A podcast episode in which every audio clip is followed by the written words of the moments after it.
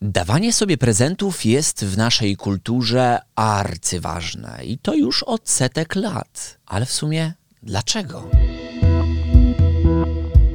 Popatrzmy na naszego najbliższego kuzyna. Niekoniecznie mam tu na myśli Mariusza, który sobie całkiem nieźle radzi w życiu i do tego mało pije, chociaż mógłby spokojnie pić więcej. Mam tutaj na myśli szympansa, blisko z nami spokrewnionego, który rozdaje prezenty swoim najbliższym. Dlaczego to robi? Bo dając innemu szympansowi na przykład kawałek jedzenia, wie, że ten gest zostanie zapamiętany i pogłębi wzajemną relację. Teraz, ale także w przyszłości. Sprytne. Czy podobnie kombinują ludzie? A jeśli tak, to czy współczesna nauka może nam podpowiedzieć, jak powinno się dawać prezenty, aby sprawić największą radość obdarowanemu? Zanim zajmiemy się tymi sprawami, sprawdźmy, o czym w tym tygodniu myślał mój kuzyn. Przed wami Ładek i jego wołek łozmyślań.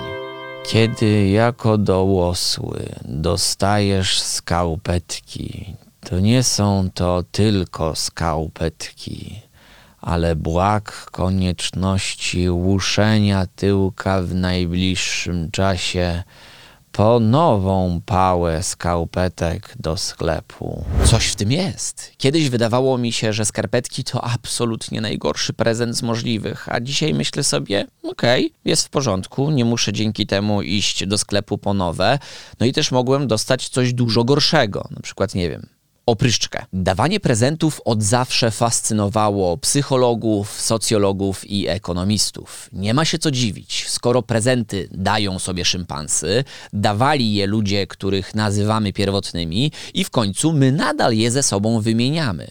Więc mamy do czynienia z ważną częścią naszej kultury. Jak ważną? Zdaniem badaczy, ważniejszą niż może nam się wydawać. Więc gdy ktoś mówi, żadnych prezentów je nie chcę, żadnych prezentów też nie daję, weźcie się wszyscy ode mnie odpierdo to wtedy wypina się na rytuał, który scalał społeczeństwa od setek lat. Niektórym wydaje się, że dawanie prezentów to jedynie egoistyczny akt, w którym chodzi o to, aby zapewnić sobie jakąś korzyść. Dziś wiemy, że powodów jest znacznie więcej, a być może najważniejszy z nich polega na traktowaniu prezentu jak fizycznego dowodu na trwałość i znaczenie relacji pomiędzy ludźmi. Więc gdy daję komuś podarunek, to w rzeczywistości mówię: proszę, Przyjmij ten oto mikser jako ponadczasowy symbol naszej przyjaźni, o której przypomnisz sobie za każdym razem, gdy będziesz rozbijać jajka na pianę. Oczywiście nie wyklucza to spodziewania się czegoś w zamian, ale badanie z 2006 roku pokazało, że ludzie odczuwają większą przyjemność,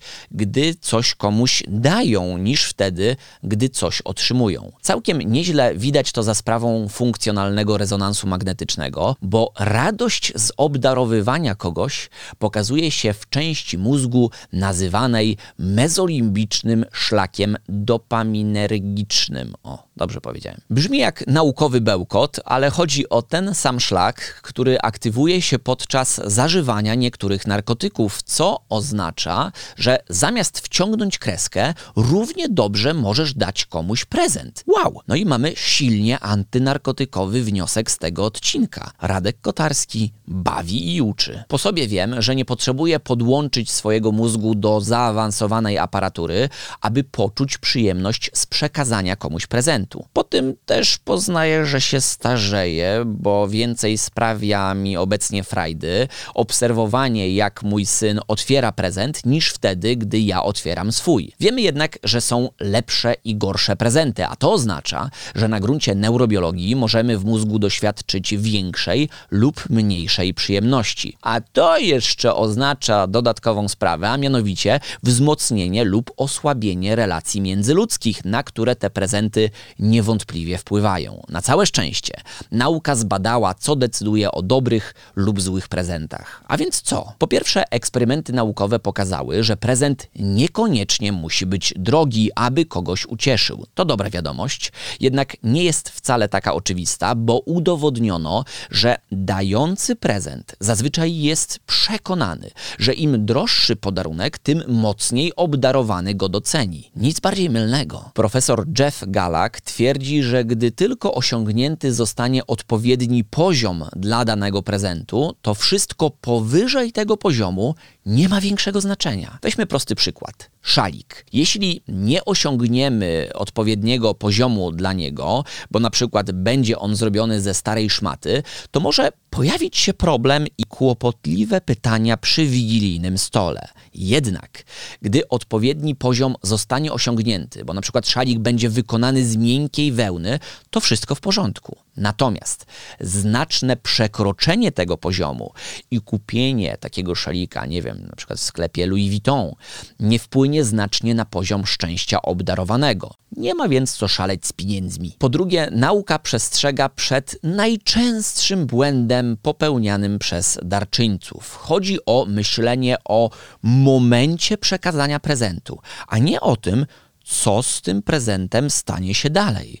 Powstało wiele prac badawczych, z których jednoznacznie wynika, że dający prezent chce osiągnąć najbardziej spektakularny efekt w chwili odpakowywania go z całej tej makulatury i wstążek. Naukowcy nazywają to zresztą poszukiwaniem uśmiechu, bo chcemy wtedy zobaczyć ogromny uśmiech, szczęście i wdzięczność. Ale z punktu widzenia odbiorcy, ta chwila nie ma dużego znaczenia. O wiele ważniejsze będzie to, co stanie się z tym prezentem w perspektywie czasu. Dostajesz na przykład, nie wiem, wypasioną maszynę do gotowania jajek na twardo, która ma 17 foremek, pozwalających na ugotowanie jajka na 52 sposoby. Wow! Wygląda spektakularnie, ale czy kiedykolwiek będzie ci się chciało rozkładać to całe ustrojstwo? Może po prostu wrzucisz jajko do garnka i włączysz stoper. Współczesna nauka wie, że darczyńca i obdarowany mają zupełnie inne oczekiwania względem prezentu. Dający chce na przykład, aby prezent sprawił radość tu i teraz, a nie za jakiś czas. Woli na przykład dać zestaw gorących kamieni do masażu, niż ufundować bon na serię takich masaży w profesjonalnym i przyjemnym salonie spa. Natomiast obdarowani nie mają z tym żadnego problemu i spokojnie mogą poczekać na odebranie swojej radości. Mało tego, sam fakt oczekiwania może sprawić ogromną przyjemność, w myśl zasady, że gonienie króliczka jest lepsze niż jego dogonienie. I w końcu efekt nazywany poszukiwaniem uśmiechu po części sprawia, że darczyńca dąży do tego, aby prezent był maksymalnie konkretny. Woli na przykład dać komuś ciężkie i błyszczące pióro do pisania, które robi wrażenie, podczas gdy w badaniach wychodzi, że dla odbiorcy największą wartość mają zupełnie inne rzeczy. Na przykład to, że pióro oszczędza tusz i jest niezawodne. Z tych samych powodów większość osób kupi podarunek, który będzie miał fizyczny wymiar, zamiast zafundować komuś jakieś doświadczenie.